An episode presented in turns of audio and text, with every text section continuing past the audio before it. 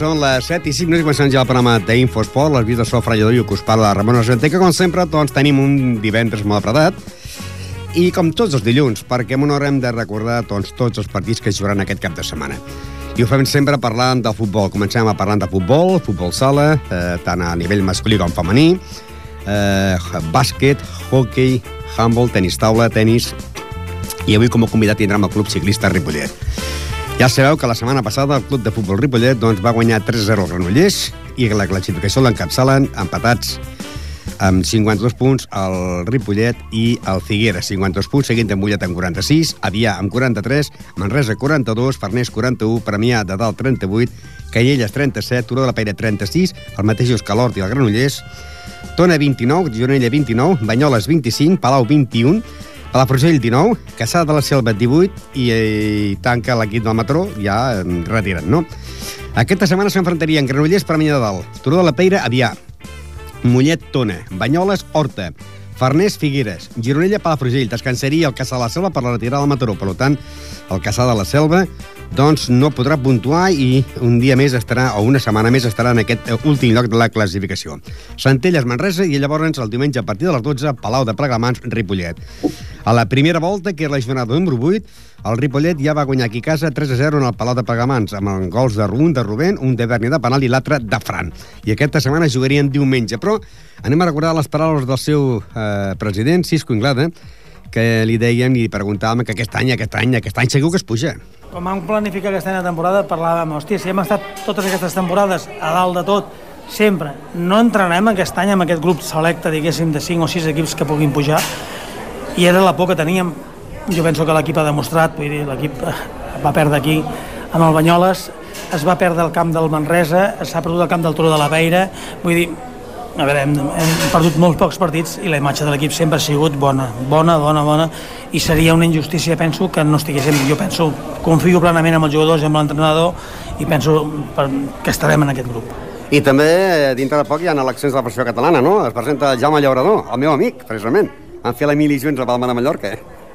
Estic, estic una mica ara entre... Tinc tantes reunions entre les delegacions municipals i les eleccions de la federació que a vegades penso que, que, que eh, faig una cosa que realment a mi no m'agrada, que són les reunions. Eh, jo sóc un home, com sabeu, més de, de camp, de treball, de futbol, però escoltem a tothom, mm, de cara a les municipals està claríssim que hem d'escoltar tothom perquè ens mereixen el respecte tots els partits polítics, tots, i llavors de cara a les eleccions catalanes és, és una llàstima que la federació que té més fitxes d'Espanya estem donant aquesta imatge de poca unió, de desunió, d'altertats, de fraudes, de votacions, i això és una imatge que per mi és molt penosa. Llavors, jo tinc ganes de que surti un president i que duri els 4 o 6 anys, suposo que seran 6 anys ara ja, de que estigui i ens doni una mica d'estabilitat que no en tenim fa de molt de temps.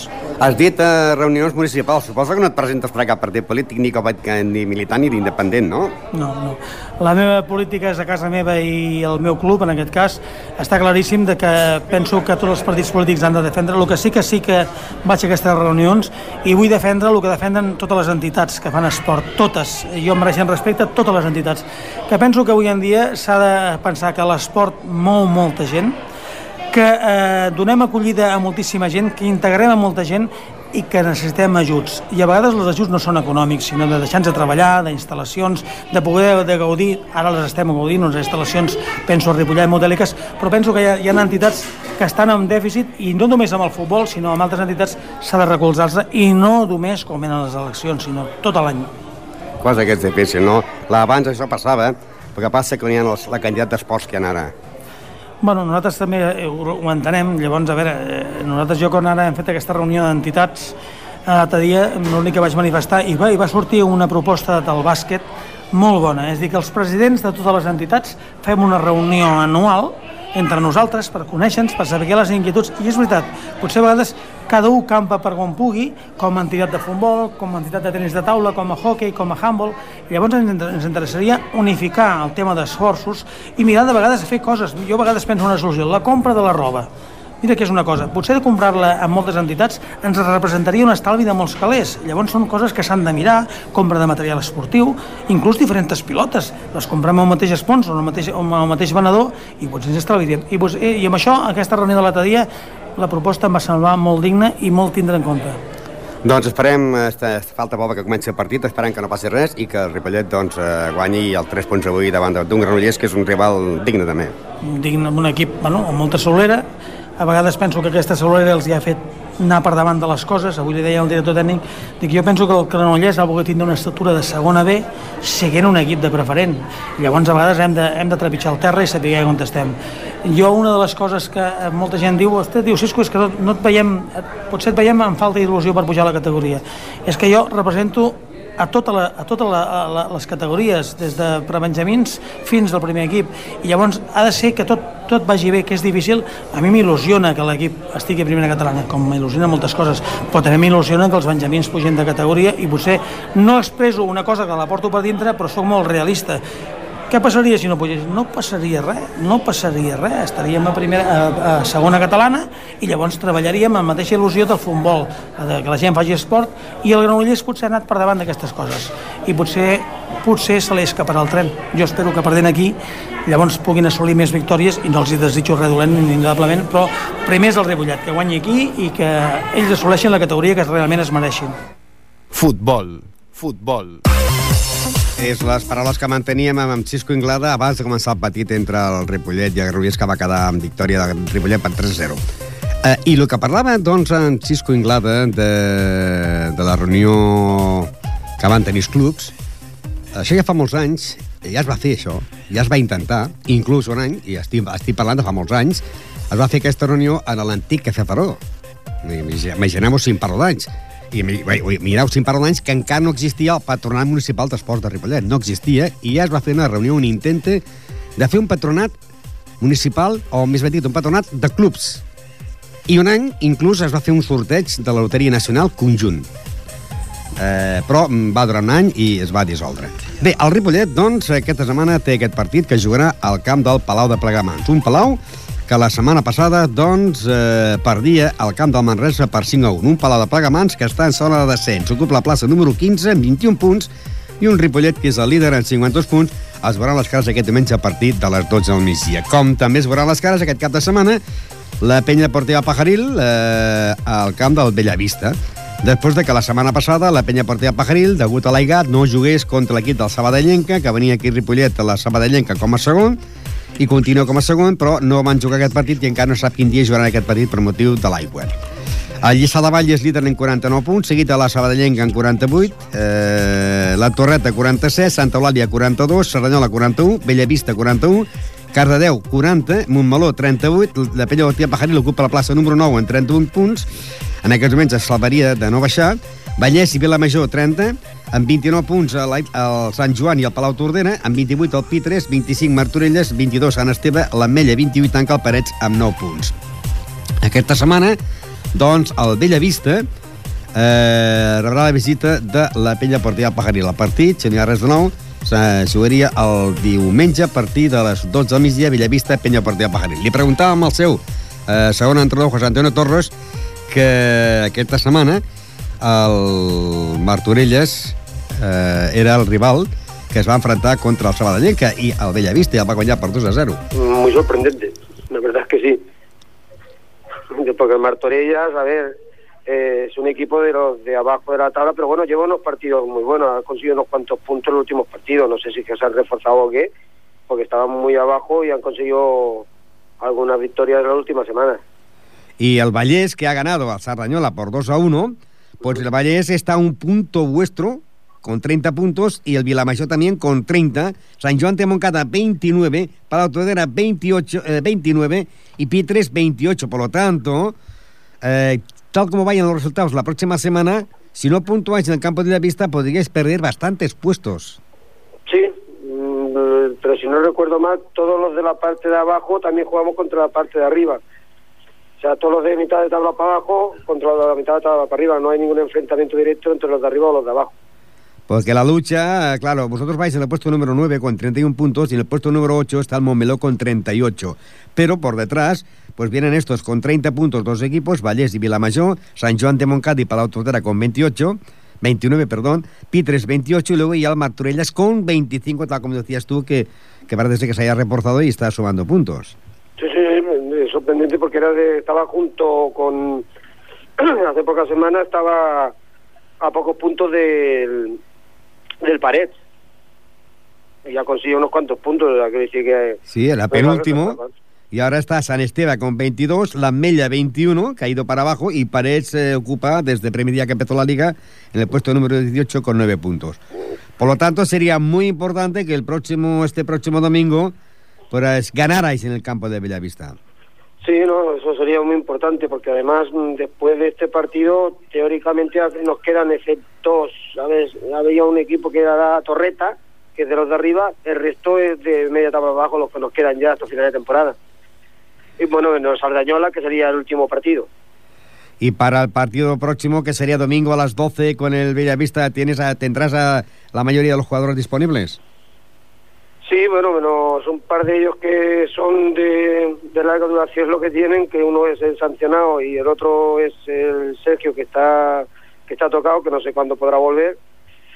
El resto lo teóricamente lo deberíamos tener a todos. ¿Y cuántos sabréis si que cuántos se juega partido aplazado con la Sabadellenca? No sé, eso hasta que la federación no nos envíe un... Bueno, nos diga el día que tenemos que que jugar no lo sabemos. Que pero, pero sería antes de acabar la liga, ¿no? Sí, sí, sí. Yo me imagino que lo mismo lo guardan para, para Semana Santa.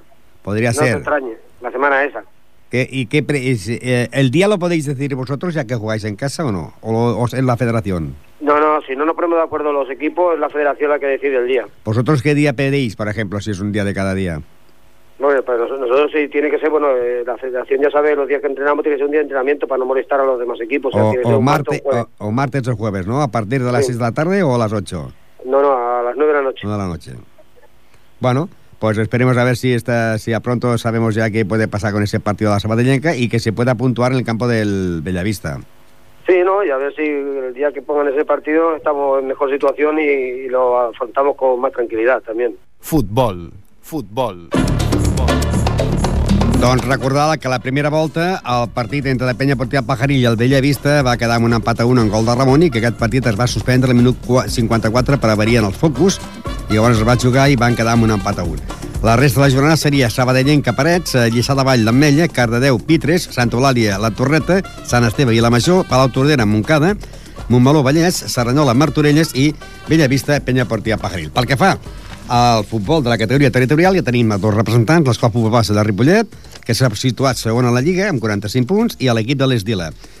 Uh, líder, el júnior, 47 punts seguit, l'Escola Futbol Bassa de Ripollet, 45, Badia del Vallès, 44, La Planada, 43, Mirasol, 39, Penya Blona Sant Cugat, 37, Marina, 34, Enroreda, 32, La Farga, 27, La Unió, 13, Can Colap i la Fundació, 10, Nou Vallès 9 i tanca l'Esdila en el lloc número 14 amb, amb 5 punts.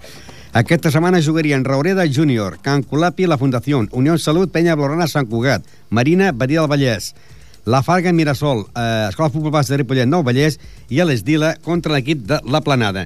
Anem a recordar les paraules de, que, de la seva entrenador Xesco, que en principi, en principi, doncs, eh, el partit eh, tindria que ser fàcil, perquè l'equip del Nou Vallès eh, ve de, que la setmana passada doncs eh, se col·loqués en el lloc número 13 de la competició només que amb 9 punts. Un nou Vallès que va suspendre el partit a casa seva davant de la Unión Salut. Hem recordar al senyor Chesco. Sobre el papel, jugando en casa, tenemos que ganar. Aparte es que estamos obligados a ganar, pero no, no este domingo, sino de aquí al final todos los que podamos si queremos luchar por subir, porque como bien sabes, suben los dos primeros ¿no? y hay que intentar quedar entre los dos primeros y que la temporada pues sea un éxito independientemente de que subiéramos o no, para mí está siendo ya un éxito, ¿eh? Porque el equipo está dando la cara desde el primer partido y los chavales están muy implicados y están jugando bien y están motivados. Luego a veces el balón es caprichoso y puede entrar o no entrar, ¿no? Y a más a más, si esta semana eh, el Esdila hiciese de Robreda y ganase a la, a la planada, todavía mejor. Pues sería, nos harían un gran favor. Además, eh, ayer fueron, fue gente de la escuela, fue gente a ver el partido de la planada acabó con siete, con ocho jugadores. Expulsiones. Expulsiones. Sí, Por lo tanto, algunos jugadores de estos no estarán presentes en el. No jugarán contra el Dylan. O sea que es una buena oportunidad para que el Dylan, que ya te digo, me parece un buen equipo, aunque la clasificación no lo refleje. Si te das cuenta, ningún equipo lo golea. O sea, es que tienen mala suerte, creo yo, sinceramente. Sí, sí, sí, sí, sí. Que así como hay otros equipos que se les meten cinco o seis goles, a Les Dylan nadie los golea. Y además, además a veces se adelantan incluso ellos en el marcador. Dime. Y a veces ellos incluso se adelantan en el marcador sí, sí, unas veces. incluso se adelantan en el marcador y habéis visto varios partidos de ellos y tendrían que tener bastante más puntos de los que tienen. O sea, yo espero que este sábado tengan suerte y le ganen la Granada. Y por lo tanto, esta semana, pues como que juegan el sábado a las 4 de la tarde, todos los jugadores de la, de la Escuela de Fútbol Base estáis animando al equipo del Estila, ¿no? Mm, te voy a ser sincero, mm, yo no voy a decir cada jugador que haga lo que quiera y vaya. Ah, pero me refiero a que mm, la curiosidad... Nosotros moralmente, claro, queremos que gane el Dylan y tal, pero tampoco queremos crear un...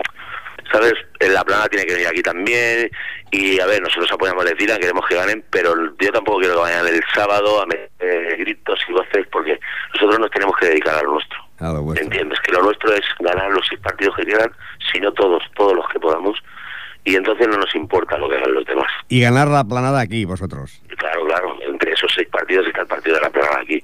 Que luego les Dylan hace un buen partido y le gana la Plana, pues mejor que mejor, mejor para ellos y mejor para nosotros.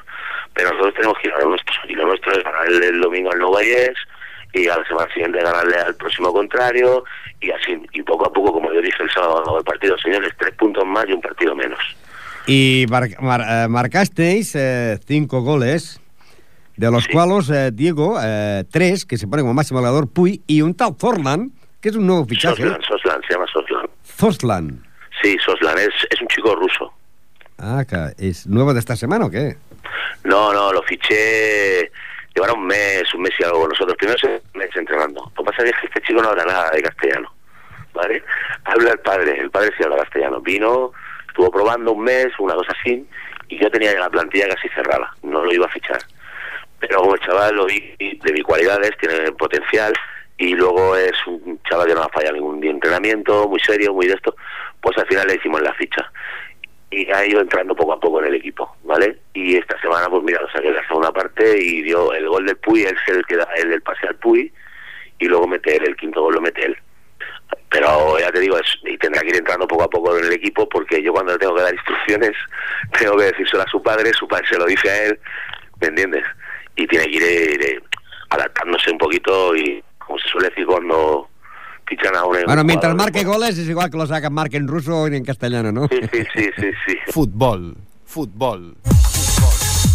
Doncs bé, eh, anem amb l'altre partit, que jugarà l'Esdila contra la Planada. Recordem que el júnior és líder en 47, l'Escola Futbol Bas de Ripollet és segon en 45, i la Planada, que jugarà contra l'Esdila, ocupa la plaça número 4 en 43 punts. I dèiem al seu entrenador Miguel Ángel que serà un partit molt important aquest de la Planada. Para nosotros todos son importantes porque lo que queremos es puntuar.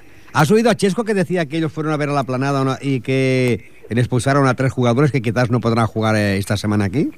No, no lo he podido escuchar porque acabo de salir ahora mismo de trabajar y no lo he podido escuchar. Pues eh, la Planada eh, que jugó y ganó y perdió 3 a 4 con el Robreda. Ujú. Perdió 3 a 4 con el Robreda, le expulsaron a, a tres jugadores y puede ser que quizás estos tres jugadores no vengan a jugar aquí el sábado contra vosotros.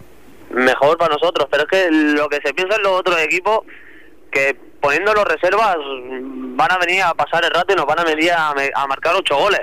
Porque ya nos ha pasado con dos encuentros que hemos hecho, mm, se piensa que, que van a venir a, a, a marcarnos ocho, nueve goles y se encuentran que no, que, que le cuesta marcar hasta el primer gol. O sea, ¿Y tú tendrás todos los- todo el equipo al completo o no? No lo voy a tener todo al completo. Tengo uno lesionado que casi casi dice adiós a la temporada con una rotura y dos o tres más. A ver, o uno otros por trabajo. Espero contar con los que tenga. Con los que tengo ya tengo bastante, ¿eh? Para ganar Todos, me valen. para- Para... ganar todos me valen. para intentar ganar a la Planada, ¿no? Yo creo que vamos a ganar. Yo creo que ya la Hombre. moral la tienen alta y si se gana es lo que le falta para levantar esto, la cabeza un poco más y asomarla y yo creo que si ganamos podremos hacer algo más. El partido, si no pasa nada, sería sábado a las 4 de la tarde. Es Dila, la Planada. Exactamente, ahora nos tocan dos partidos aquí en casa, Seguidos. seguidos. Futbol sala. Futbol sala. I anem al, al Monta Futbol Sala, que aquesta setmana el Ripollet eh, té que jugar contra el Vilassar, després de que la primera volta el, el Vilassar guanyés el Ripollet per 7 a 1. Líder Hospitalet, 59 punts seguit a les Plugues en 55. Molt separat, l'Escola Pia en 38, Bar Micasa 36, Premià de Mar i la Unió en 31, Vilassar de Mar 27, però atenció perquè el Vilassar de Mar li han tret eh, 3 punts més 3 de sanció, o sigui, té 6 punts menys i es pot veure implicat en zona de descens. Per tant, eh, pot ser molt perillós el partit que s'hagi de jugar a Ripollet, perquè ara eh, ja sabeu que baixen 8 equips. Baixarien Sabadell amb 26 punts, Calvià amb 23, Gavà 22, Santa Coloma 17, Mataró 16 i Sant Cugat 16. Però atenció, perquè el Vilassar de Mar, que estava salvat, li treuen 6 punts. Per tant, quedaria amb aquests eh, 6 punts menys, es col·locaria en zona de descens.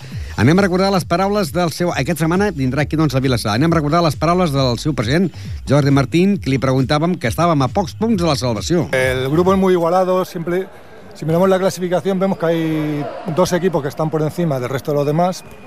Luego viene un paquete que, digamos, serían tres equipos más. Y luego todos los demás que estamos en un nivel bastante igualado, ¿no?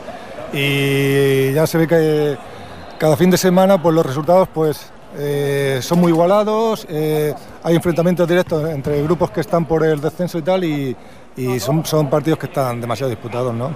¿Ha sido la revelación los dos equipos, el Bar Micasa y la Escuela Pia de Sabadell? Bueno, eh, son- siempre son dos equipos que están, normalmente siempre están en la tabla clasificados me- media alta, ¿no?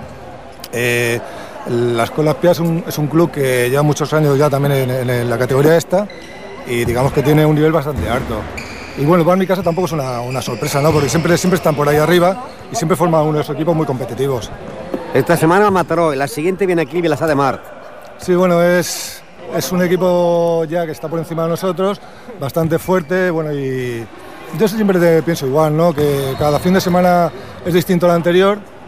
Nosotros el fin de semana pasado, que perdimos aquí en casa 1-5, disputamos un partido, pues yo creo que muy bueno y lo que tuvimos mala suerte de, cuando íbamos en el marco 1-2 perdiendo, de fallar dos, tres cl- claras, claras ocasiones delante del portero que no las materializamos y al final pues nos metieron en un contraataque el 1-3. Ya yo creo que, que tenemos un equipo que pues, en cualquier momento puede competir. Ya se vio el fin de semana pasado contra el segundo clasificado y eh, esperemos que en la lucha nuestra, que es con los que están con nosotros empatados a puntos y tal, que nos sacan poca diferencia, pues conseguir echarlos para adelante estos partidos. Y luego el siguiente desplazamiento sería ya a Mallorca, un campo también difícil, el Calviá. Sí, bueno, los partidos en las islas siempre son muy difíciles, ¿no? Eh, son pistas bastante complicadas, el- suelen, suelen jugar en pistas que no son de parqué, son de plástico este, que no nos adaptamos bien a, a ellas, ¿no? Pero, ¿qué quieres que te diga? Espero, que saquemos algo positivo de ahí. Ya sé que siempre, año, año tras año, nunca traemos nada positivo de las islas, pero bueno, esperemos que este año sea. ¿Y qué, cómo está la moral de los jugadores? Bueno, yo, por lo que hablo con ellos, por lo que los vi el domingo pasado, los veo bastante bien, ¿no? Nosotros tenemos que tener en cuenta que, bueno, la ca- la- tenemos aquí un grupo de chavales que son todos de aquí del pueblo, que ninguno de ellos cobra, no como, lo- por ejemplo, el equipo que vino el domingo pasado, todos los jugadores cobraban. Y bueno, eh, yo siempre digo lo mismo, a ellos que confiamos en ellos y espero que saquemos todos para adelante, ¿no? Futbol sala. Futbol sala. Futbol Doncs bé, després d'aquesta possible sanció del Vilassar de Mar, ara estaria en zona d'ascens directe. Se salvaria, momentàniament, se salvaria el Sabadell. I baixarien eh, Ripollet, Calvià, Gavà, Vilassar, Santa Coloma, Mataró i Sant Cugat. I aquesta setmana el Ripollet té un partit difícil a jugar eh, i tindria que guanyar en l'equip del Vilassar de Mar. Pel que fa a l'equip de la categoria preferent, el Ripollet B doncs, jugarà al camp de les Plugues. El Ripollet B de futbol sala és líder en 41 punts després de la setmana passada guanyés el Sant Just per 5 a 4. I l'equip de les Plugues doncs, ocupa el plaça número 8 en 23 punts. Unes Plugues que la setmana passada va suspendre el partit al camp de l'Sporting Prat. Aquest eh, dissabte s'enfrontarien a la categoria preferent doncs, a l'equip de les Plugues Ripollet B dissabte a partir de les 4 de la tarda. A les Plugues, com deien, ocupa la plaça número 8 en 23 punts, Ripollet és el líder en 41 punts. Seguim a més futbol sala perquè l'equip del Can Clos, a l'equip B, doncs té un important partit aquest cap de setmana perquè jugaria aquí a casa a les 4 de la tarda del dissabte contra Santa Coloma de Gramenet. Estem parlant que s'enfrontarien els dos últims de la Lliga. Can Clos, que és eh, penúltim amb 7 punts, davant del Santa Coloma, que és l'últim amb 6 punts. Davant d'un líder, que és l'Arenys Amunt, que té 36, i el Sant Feliu, que en té 26. Aquest dissabte, a partir de les 4 de la tarda, Can Clos B, Santa Coloma. I per què fa el Can Clos de la, primera, de la divisió d'honor femenina, doncs l'equip de Can Clos jugarà contra el Caldes després de que la setmana passada es suspengués el partit a la pista del Sant Cugat de Vallès per eh, no per goteres, sinó perquè el terra estava molt perillós per, de, de l'agut a l'humitat i el partit es va suspendre. Líder de la divisió catalana és el Vilassar de Mar amb 37 punts, seguit de l'Escola Pia en 31, el Sant Cugat i les Corts en 30 i l'equip de Can Clos ocupa el plaça número 7 amb 25 punts. Aquesta setmana el Can Clos jugarà contra el Caldes, un Caldes que la setmana passada guanyava la pista Castelldefels per 2 a 3 i un Caldes, eh, Caldes perdó, que és cinquè a la Lliga en 29 punts, jugarà contra l'equip del Can Clos. Hockey. Hockey. I anem a muntar el hockey, que el Ripollet la setmana passada guanyava també doncs, en el Premià de Mar per 7 a 6, en 3 gols de Gerard, un d'Àlex, un de Pol Vallès i un d'Albert Garcia. Líder, Vilassar de Mar, 52 punts seguits del Riu de Villes en 50. El Ripollet ocupa plaça número 8 en 26 i aquest cap de setmana jugarà a la pista del mm, Riu de Villes. Avui divendres, a partir de dos quarts de deu, Riu de Villes, Ripollet. El Riu de Villes és el segon de la Lliga amb 50 punts. El Ripollet és vuitè amb 26 punts. Es veuran les cares si no hi ha res de nou eh, aquest divendres a partir de dos quarts de deu. Riu de Villes, que la setmana passada aquest equip golejava en l'Arenys de Mar per 3 a 9, jugarà contra el Ripollet, que va guanyar en el Premi de Mar per 7 a 6. Amb vol. Amb vol. Amb vol. Amb. I anem a muntar el handball, que la setmana passada el Club Handball Ripollet guanyava en el Sant Llorenç per 29 a 23 i que aquesta setmana jugarà contra l'Oar Gràcia de Sabadell, un partit que serà el diumenge a partir de dos quarts d'onze. Oar Gràcia de Sabadell Ripollet. El líder és el Sant Miquel, que té 24 punts, i es quedarà en 24 perquè aquesta setmana té jornada de descans, ja que descansen dos equips. Sant Pedor, 23, Partinyes, 22 i Sants, 21.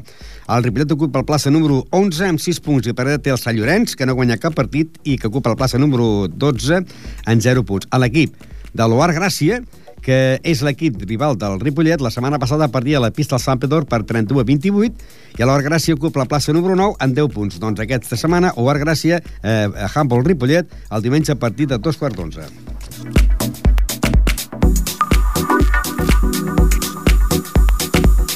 Tenis taula. Tenis taula. Tenis taula. Tenis taula. I anem al món del tenis taula, que aquest cap de setmana la divisió d'honor femenina, doncs el Club Tenis Taula Finca Ripollet té jornada de descans i, per tant, doncs, eh, no podrà puntuar.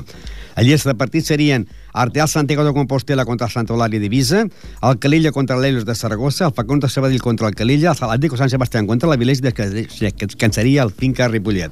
Líder, Atlético San Sebastián amb 28 punts, seguit de l'Arteal de Santiago de Compostela amb 24. Finca Ripollet és tercer amb 20 punts, els mateixos que el Santa Eulàlia d'Ivisa. Avilés 16, Calella 14, Bàscara de Girona 14, Facón de Sabadell 12, Casa Astúries de León 8 i tanca l'Helios de Saragossa en el lloc número 10 amb 4 punts. Perquè fa a la Lliga Nacional de Primera Divisió, el Finca Ripollet jugarà a la pista del Bàscara de Girona. Eh, després de que la setmana passada perdés per 4-3 a la pista del Caçà de la Selva. Líder, Caçà de la Selva, 26 punts, seguit del Balaguer amb 20, Finca Ripollet és tercer en 18, Bàscara Girona 14, Escul de Saragossa 12, Calella 12, Cai, Sant... Cai de Saragossa 4 i tanca l'Ateneu amb 0 punts. Aquesta setmana jugarien a Girona, a la Lliga Nacional Femenina, diumenge a les 11.30, eh, Bàscara Girona, Finques Ripollet. S'enfrontarien al segon, el tercer contra el quart, que és el Bàscara de Girona. I finalment, per acabar el tenis taula, hem de dir que la Lliga Nacional Masculina, el Ripollet doncs, és líder de la competició després de que va perdre encara la setmana passada amb un equip de circumstàncies davant del Vilanova i l'Eixaltru per 5 a 1. Ripollet perd la líder amb 22 punts, Olot 20, 20 Igualada 14, Vilanova de l'Eixaltru 12, Palma de Mallorca 12, Sant Cugat 10, Sallent 8 i Sa Pobla de Mallorca 6. Aquesta setmana l'Igualada jugarà contra el Ripollet. Un Igualada que ocupa la plaça número 4 amb 14 punts jugarà al seu camp contra el Ripollet Perdolai, que és el líder de la Lliga Nacional Masculina de Primera Divisió. Bàsquet. Bàsquet. Bàsquet. I anem al món del bàsquet, que després de que l'important partit que es va disputar la setmana passada al Club Bàsquet Ripollet, i tot això que va perdre, i per mi va ser un dels millors partits que es van fer, va perdre aquí davant del líder, la Salla Reus, per 84 a 92, té un partit molt difícil aquest cap de setmana, perquè ho farà a la pista del Club Natació Sabadell. Uh, Natació Sabadell, que està uh, doncs, en una zona tranquil·la, però que de perdre punts també es podria complicar la situació i posar-se en una zona que poden baixar. Ara baixarien de categoria, o més ben dit, promocionarien per la permanència Sant Cugat del Vallès, Cerdanyola, Morell i Salou i pertanien la categoria al Vilanova, la Geltrú i el Ripollet. I aquesta setmana s'enfrontarien Natació de Sabadell i el Ripollet. Una natació de Sabadell que la setmana passada perdien a la pista de l'Esperit de Terrassa per 5, 71 a 46. A l'Esferi de Terrassa eh, és novè i el Sabadell és desè. I el Ripollet ocupa la plaça número 16 amb només que 27 punts. El partit entre el Natació Sabadell i el Ripollet serà aquest dissabte a partir de dos quarts de cinc de la tarda. Pel que fa al Vell Gasó, la setmana passada va guanyar en el nou dia per 65 a 61, manté la setena plaça amb 34 punts, davant d'un Martorelles que és el líder en 41 punts, el Col·legi Cultural també en té 41 i la Vila Salla Montcada en té 41. I aquesta setmana jugarien a la pista de la Salla Montcada, la Vila Salla de Montcada. A partir del dissabte a les 6 de la tarda, l'equip de la Vila Salla Montcada és tercer amb 41 punts. Un el Vidre la Salle, que la setmana passada guanyava la pista del Setmanat per 63 a 66. I deixem ja el món del bàsquet per dir que el bàsquet femení Ripollet, després que la setmana passada guanyés el Castellbisbal per 52 a 49, ha deixat de ser últim de la Lliga i passa a ocupar el penúltim lloc, en el lloc número 13 amb 25 punts. I aquesta setmana jugarà contra el Cornellà. El Cornellà és el líder, un Cornellà que la setmana passada guanyaven a l'Esparreguera per 33 a 82. El Cornellà rebrà la visita del bàsquet femení Ripollet el diumenge a partir de dos quarts de vuit. Cornellà-Ripollet en bàsquet femení.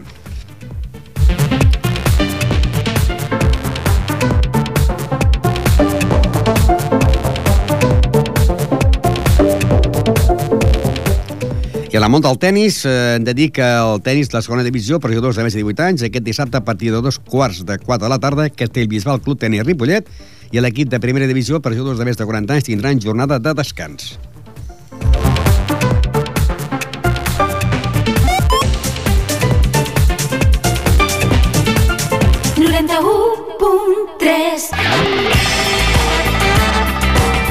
Visca la ràdio, Ripollet Ràdio. Ripollet Ràdio.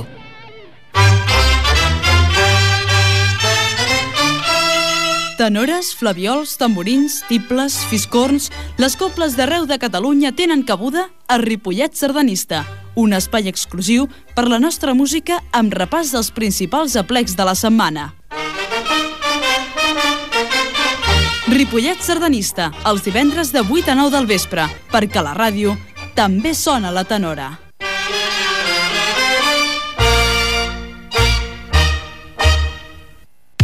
El sonido de los 80 tiene un sitio cada lunes en la 91.3 de la FM. Desde las 6 a las 7 de la tarde viajaremos en el tiempo. Los éxitos más importantes en el gramófono. ¿Te apuntas? Los lunes de 6 a 7 de la tarde. Soy Paco Soriano. Estamos con él porque nos gusta lo que dice, aunque en ocasiones no. Sentimos que a pesar de todo, que forma parte de los humanos. Sabe en qué lado está la verdad y lo dice sin ningún pudor. Es solidario, cansino, porculero y siempre está con los que sufren. La conversación en un bar con una cerveza en la mano. La paz, el odio a las guerras y el respeto son algunas de sus armas. Todos sabéis de quién estoy hablando. Y desde esta tribuna queremos darle todo nuestro apoyo. Hola, soy el hombre lobo cansino y porculero. Eh, qué mal rollo, hasta los políticos me apoyan.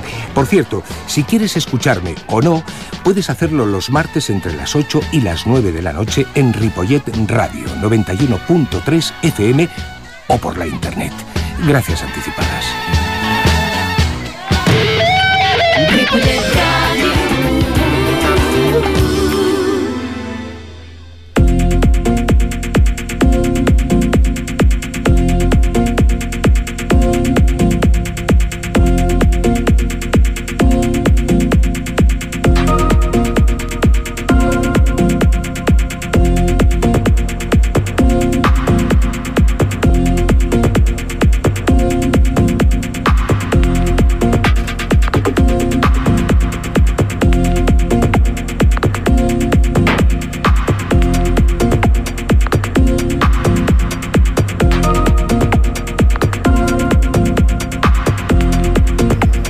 Continuem més esport, ja sabeu que, com hem dit abans, avui tenim el Club Ciclista Ripollet. Eh, Toni Casamitjana, bona tarda. Bona tarda, Ramon. I Salvador Gorina, bona tarda. Bona tarda, Ramon. Estem a punt, a punt, a punt que la Volta a Catalunya passi per Ripollet, no? I hem de dir que Salvador Gorina va estar altre dia present a la presentació oficial, no?, de la Volta a Catalunya. És així, és així. Sí, va ser una presentació molt abutiva perquè aquest any la Volta a Catalunya fa 100 anys de la seva existència, és a dir, que va començar el 1911 i aquest any doncs, fa el, els 100 anys, no?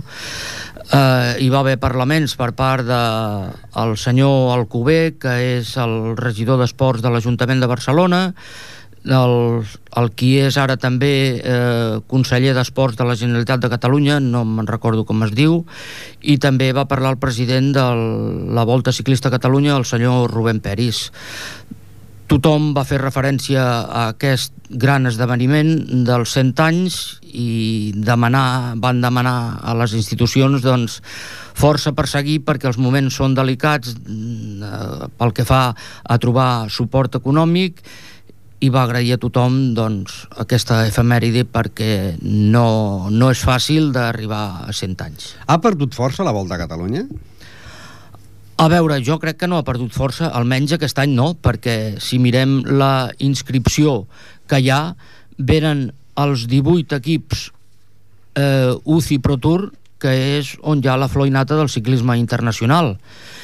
És a dir, aquí tots els corredors que l'any passat van brillar a la Volta a França, a la Volta a Itàlia i a la Volta a Espanya estaran presents aquí a la Volta Ciclista a Catalunya en la seva amb el seu centenari, no?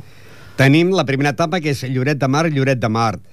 Eh, Toni Casamitjana també és coneixedor no, d'aquests circuits perquè tu sí que surts els diumenges amb, la, amb l'escloturisme, no? Conec les carreteres, eh, totes no me les sé, però bueno, sí, suposo que la primera és una etapa per començar, és arriba, sortir i arribar a Lloret, i deu ser una etapa plana, i té un petit coll. Eh, tenim eh, 166 quilòmetres. Sí, Sí, Sortida eh, firma a les 12.30 i a les 13 i 15 minuts doncs, sortiran ja del passatge marítim. Eh, I serà doncs, la primera etapa d'un recorregut de 166 km. És la primera, a la primera etapa.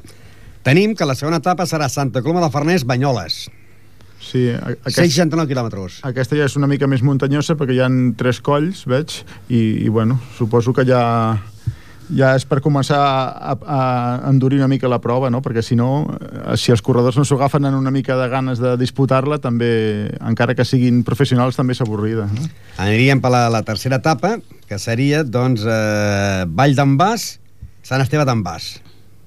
No, eh, Vall Nord, aquesta, aquesta acaba a Andorra. La, la tercera etapa, sí, d'en- i acaba Andorra, sí, Andorra. El poble, eh, la Vall d'en Bas i el poble Sant Esteve Sí, sí, i acaba Andorra. Acaba aquesta Andorra. és, és l'etapa 183 quilòmetres, l'etapa reina. Aquesta és l'etapa reina i aquí sí quan es pot marcar diferències, no? I, i acabar en una estació en un port de primera categoria. Aquí es Vall. pot dir que quan el que arriba aquí primer dels primers manté liderat fins al final ja. Home, aquí el que es marca és els que estan més forts, això està clar, no? Perquè després, dins dels més forts hi ha molt poques diferències. Anem per una altra etapa, que seria la quarta, que seria la Seu d'Urgell al Vendrell. Aquesta és una etapa que ha... 195 quilòmetres. Sí, que és una etapa llarga, en, en, uns, en colls de poca, poca alçada, el que passa que és una etapa llarga, no? I després de- d'un de, dia, de, el dia abans de, de molta de pujada, doncs és, se la deuen agafar com una mica... tota de- reina ve aquesta que de 195 Sí, més no? relaxada. Ens anem per la cinquena, que seria, doncs, el Vendrell-Tarragona. 205 quilòmetres. El Vendrell Tarragona també és una, eta- és una etapa en tres colls de no més de 500 metres i, i bé, crec que és, és una etapa de, de transició, no? que p- però propícia per algun escapada i, de, i permesa. Alguna I anem per la sisena etapa, que seria Tarragona-Mollet de Vallès, amb pas per Ripollet. Per quin sector de Ripollet? La, la volta arriba, arriba de Barberà per la Nacional 150 i aleshores agafa el pont que creua el, el riu i l'autopista i va parar a la carretera de Marrampinyo. Llavors se'n va cap a Montcada. O sigui que la gent que volgués anar a veure els ciclistes haurien d'anar a l'altura de Can Mas. Uh, sí, allà on hi ha els Mossos d'Esquadra, per allà, aquella zona d'allà. I des de, I des de la banda de la- de l'ambulatori de Ripollet, el del pont, allà també es Que es veuria molt poc, es veuria pel pont, es veuria llantear el semàforo Sí. i fins que es perdessin en direcció cap a l'Esbalíber. El que passa és que, clar, la baixada de Serranyola ja aniran superràpids, no? Serà un, un pas molt ràpid. Eh, I aquesta és de 184 quilòmetres. Llavors tenim ja la última, que és Parets del Vallès, Barcelona. Sí, bueno, aquesta etapa és una etapa també que suposo que ja estarà tot La mar- més curta, 124. Aquí ja està tot llegint, Ja és no? tot marcat i, bueno, és una etapa de, de, per acabar. I, I serà homenatge a Joaquim Rodríguez, que és de Parets, i, bueno, pues serà una mica festa dedicada amb ell. Quan hi ha una volta a Catalunya, eh, la Federació Catalana es posa en contacte amb el Club Ciclista Ripollet per dir, escolta, necessitem ajuda, necessitem que eh, controls aquí o controls allà, o passen de, dels clubs? No, no, no, no ens diuen res. No. L'única... Quan ha hagut algun... Fa anys va haver una etapa de la Setmana Catalana que vam tenir una meta volant, oi? Salvador? Fa bastants Sí. anys. Llavors Sí, sí, sí, sí. perquè ja és ja el tema d'Ajuntament, trànsit, cotxes, i llavors sí, però per una passada així i per l'exterior no... Perquè, clar, venim de preparar per quin tros baixen, doncs, a veure si surten. Baixen per la Nacional 150, per Val. l'Uralita. Val, val, Eh? sí, sí, Llavors baixen d'allà... La gent pot anar allà a veure-la també. Sí, sí, sí. Clar, el que passa Però que la que gent que pel- vagi a veure allà no la podrà veure allà baix, perquè, clar, amb la, amb la velocitat que baixen... Sí, sí, no. S'ha de veure un punt i és super ràpid. I amb això es passa per tot Catalunya? No. Bueno, eh, hi ha uns punts... Eh, Perquè em sembla que a Lleida no el toquen, no? No, sí, home, eh, hi ha la Seu Sí, d'Urgell sí, sí, sí, sí, sí. i el que és Andorra, tota aquella zona. Després creuen a Tarragona i, i venen cap aquí Mollet i tot això. I podrien haver més etapes o no? Eh, De les que hi ha.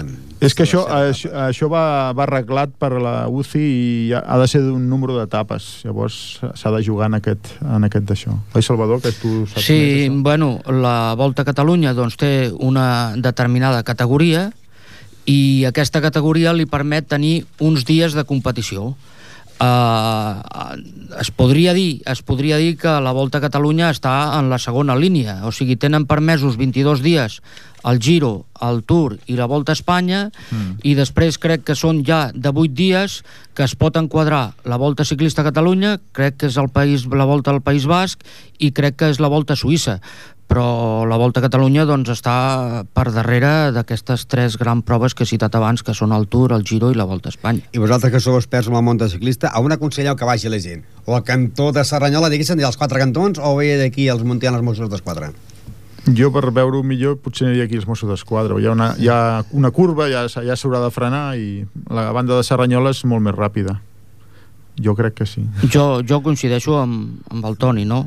Perquè aquí els Mossos d'Esquadra eh, vull dir, com ha dit ell, hi ha una petita aturada, encara que sigui molt minsa, però és que, a més a més, no és solament el pas dels ciclistes qui vulgui anar-hi, no?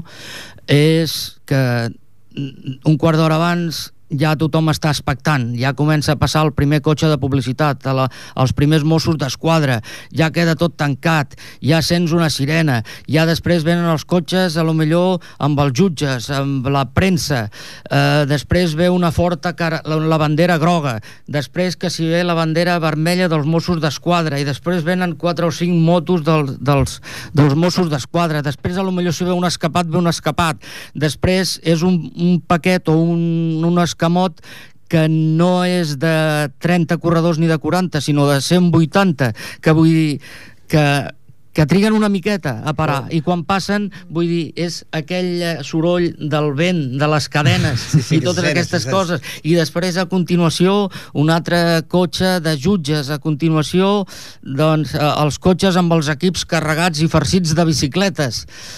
És a dir, que són I la a la gent- millor i 5 la- i la minuts, gent- 5 minuts o, o 10 minuts de pas continu d'allò que li diuen, i ben dit, la serpiente multicolor. I hem de dir que doncs, aquesta etapa seria l'etapa, recordem, l'etapa número 6, Sí. eh, que seria Tarragona, Mollet de Vallès, pas per Ripollet, i que seria doncs, la firma a les 10.55 i la sortida seria a les 11.40 de, de la Rambla Vella de Tarragona. Aproximadament, bueno, aproximadament no, faran 184 quilòmetres i 500 metres, quasi 185, i seria el dissabte dia 26 de març, o sigui, Exacte. aquest dissabte No, aquest, aquest no, No, no, l'altre, l'altre, sí. eh, la gent que vulgui pot anar, doncs... Sí, però a veure si diu aquí l'horari de pas per Ripollet, més o menys. Mm, Això, Això deu ser sobre les 4 de la tarda, eh? Tenim sortida sí. naturalitzada a les 11.45, Rambla de la Vella de, de, de Tarragona. Eh, sortida real a les 12 hores per la Nacional 340 i tancament de control eh, a les 10. Vull dir que... Sí, sobre les, entre 4 i 5 és quan passarà 4 i cinc això. Tenint en compte que passa per Ripollet i acaba a Mollet. Vull dir que això ja està... i- i- la, allà ja, aniran Sí, sí, sí. Ah, su, superràpids, bé, perquè ja van a cara, cara a meta. Vull dir A veure, és... surten a les 12 de Tarragona, doncs a 40, aquest, aquesta cursa la poden fer per sobre de 40, a les 4 de la tarda passen per Ripollet. I es pot dir que pot ser una etapa definitiva perquè pensava que diria l'última, que l'última és aquella de dir, va, anem a aguantar els, els, llocs que, els llocs que estem, no? Sí, sí, sí. Sí, Bé, I ara tenim, doncs, perdó, que també, eh, parlant de l'entitat, aquest mes ha començat la temporada del Club Ciclista Ripollet, no? Ha començat el calendari de cicloturista. Bueno, no, perdó, el primer, eh, el primer cap de setmana no va ploure.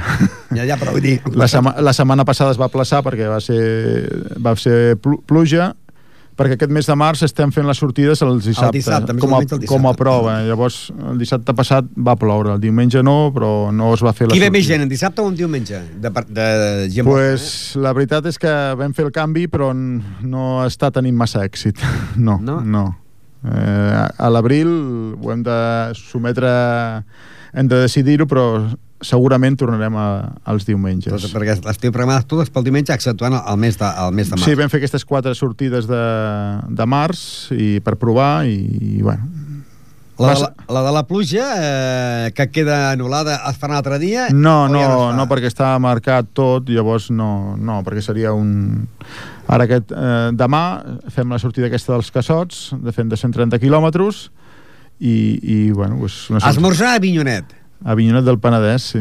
Ripollet, Sant Cugat, Rubí, Terrassa, parada a Terrassa. Allà a Terrassa pareu perquè... Eh, eh, Per un reagrupament, per reagrupament. si hi ha un regastagado, no? Sí, sí. Ah, llavors faríeu eh, els quatre, a Martorell, parada també a Martorell. Sí, perquè hi ha l'alt dels 4 i la baixada dels 11, doncs clar, jo, si hi ha una mica de separació, doncs per ajuntar-nos a tots. Gelida, Sant Sadurní de Noia, parada també a Sant Sadurní de Noia. Sí. Aquí també entra el cava o no? No, no, és, passem per, la, per fora. Bueno, no, aquí no hi ha cava, no? I anem cap, al, cap, a, cap als Cassots, i que és la, la carretera de, de la Nacional 340, després la de l'Urdal. Els dels Cassots, Cruïlla, amb l'Ordal, eh, Vilafranca del Penedès, parada Vilafranca del Penedès, No, no arribem a, a Vinyonet, a Vinyonet del Penedès. i, eh, i a Vinyonet esmorzar. Exacte, sí, sí. I què, quan aneu allà, que... llavors què passa? Que es fa un bon esmorzar o què? Perquè, esclar, No, no, és un entrepà. Un entrepà una llesqueta. eh, Hi ha gent que es cuida molt i només una truiteta, hi ha gent que una miqueta més, algo més potent, però... o, però o el jalar fort de feu quan torneu no, a casa a l'hora de dinar. Nosaltres esmorzem perquè, clar, vulguis o no, hem fet 60 quilòmetres o 65 i, home, i, i portem... Sí, però els ciclistes professionals no mengen el que mengeu vosaltres. No, no, ells van... Bueno, ells esmorzen superpotents i porten eh, avituallament i van menjant, no? Nosaltres... Jo surto en un vas de llet i, i ja està, no? A Vinyonet esmorzaríeu, què, què esteu allà per esmorzar? Una hora? Depèn de la gent que som, però normalment entre, entre 45, 50, màxim una hora. I si Màxim. algú ha marxat tocat, arriba tocat, costa tornar a marxar llavors, eh? Això està tornant avant.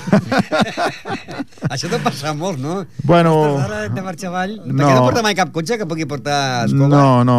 L'únic que si algú queda, té averiat o alguna cosa, té que, eh, hem de trucar i que el vingui a buscar algú. Perquè no heu provat mai de portar un cotxe amb bicicletes per allà, si algú queda, pues mira, No, el cotxe i venim amb el cotxe. no, no, no perquè, si Més perquè la, més- la dona d'algú, el pare d'algú sempre està Més d'algú disposat. faria que baixaria... Exacte. Després de l'esmorzar, que seria a Pinyanet, passaria a l'hospital, eh, Begues, eh, Parada, Bruguers, Gavà, també Parada Gavà, Viladecans, Cruïlla, Molins de Rei, Cornellà del Llobregat, Parada eh, Molins de Rei, Sant Cugat, Parada Sant Cugat, que ja és l'última, i de Ripollet. Sí, de Vinyonet anem cap a... creuem per, la, per Vegas, tot el que és la serra de, del, el parc del Garraf, i anem a Baixa Gavà, i després tornem cap a Molins, i ja cap a Rubí, Sant I Cugat. comptant que no és una competició com la Volta a Catalunya, que tallen les carreteres, vosaltres per fer aquests 130 quilòmetres què, què trigueu? Perquè, esclar, la carretera, eh, us, ho passeu pels cotxes, que us adelanten els cotxes i us Nosaltres, la sortida d'aquesta de demà serà a les 8 del matí i bé, doncs, arribarem a esmorzar sobre, jo calculo, entre 2 i 3 quarts d'11 i estarem allà un rato, a dos quarts de 12 sortirem i, i arribar a dos quarts de dues. Què es triga més, anant o, o tornant? Depèn de, de, del perfil. Sí? Mm. Devia dir pel cansament. No, depèn del perfil. A vegades fas la part dura al principi i després és més suau, no? Aquesta està bastant equilibrada. Passa que després, quan arribes a Baixa Gavà en aquesta sortida, és pla i... No és que sigui pujada, però tot allò va, fa vent i costa una mica, però bueno. I llavors seria el dia 27 també, eh, sortíeu a les 8 del matí, eh, faríeu 138 km i aniríeu a esmorzar a Hostalric. Sí, és la volta a Blanes, que diem, que bueno, vas per la, puges la Vallençana i vas per tota la costa i, i allà després a la Tordera trenques cap a Hostalric i després tornem per... I Uh, al punt de sortida, El punt de sortida nostre és aquí a la, a la zona de l'Ajuntament, davant Ah, de... al parc del riu Ripoll. Exacte, al davant de la, de la biblioteca, l'escola Escursell, allà a la zona aquella. A part d'això, d'aquestes sortides, eh, Salvador, com està l'entitat? L'entitat bé. Està sana? Està sana. L'entitat està en una fase que en el món del ciclista diem que a la Volta a França, quan un agafa el mallot groc, diuen que és difícil agafar-lo, però més difícil és mantenir-lo. Doncs nosaltres estem en aquesta fase. Més difícil és mantenir-se perquè els temps no són gaire bons per les entitats, però nosaltres doncs ens estem mantenint gràcies a l'esforç de, de, de la Junta, del soci i de tots els simpatitzants i col·laboradors. I en aquesta tasca estem de mirar una continuïtat de trobar gent jove, que és el nostre repte, perquè el Club Ciclista Ripollet doncs, faci, vagi complint any rere any. Que ja en porteu uns quants, no? 63 serà aquest passat 2011. feia- l'any- Sí, l'any passat estava en d'aniversari, no? Cada any en Marc, celebrem un, cada any el celebrem un. I en volem celebrar molts. Si no nosaltres, qui vingui darrere, però creiem que la responsabilitat de la continuïtat actualment doncs, és nostra i hem de fer perquè hi hagi, i, i aprofitant la vinentesa doncs fem una crida a tots aquells que siguin aficionats i que es vulguin arrelar en un club que ja té 63 anys d'existència i un orgull per al ciclisme de Ripollet. I que, a més a més, doncs, el local social del Club Ciclista Ripollet està obert tots els divendres de les 9 fins a les 10 de la nit. Així és. O sigui que la gent pot anar allà...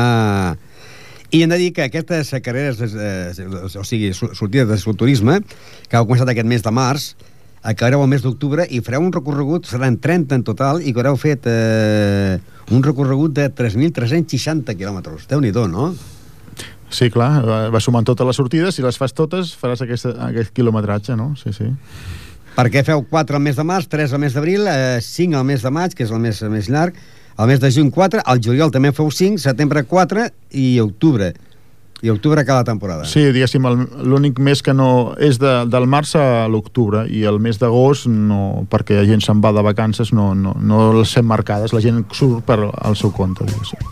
Pues, quan sentim aquesta, aquesta música de fons vol dir que estem ja a la recta final del programa. Què demanaríeu a la gent que no sé, que encara que té bicicleta i no s'acaba d'apuntar al Club Ciclista Ripollet?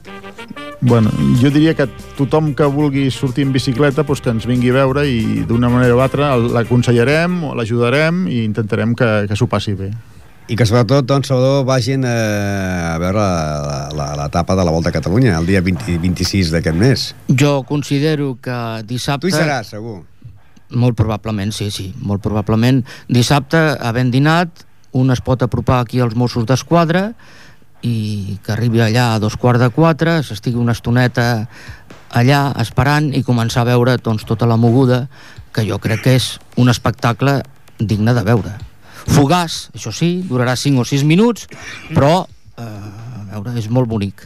Llàstima que, que agafi poc, poc tros de Ripollet. Bueno, agafa poc, poc tros, però no està lluny. Doncs posarem punt i final i recordeu que la setmana que ve, divendres que ve, tindrem doncs, a l'equip femení de l'Escola Futbol Base de Ripollet que torna a fer un equip de futbol femení de l'equip que l'antiga equip de fut s'han regrupat i tornaran a fer un equip femení. Adéu-siau i bona tarda.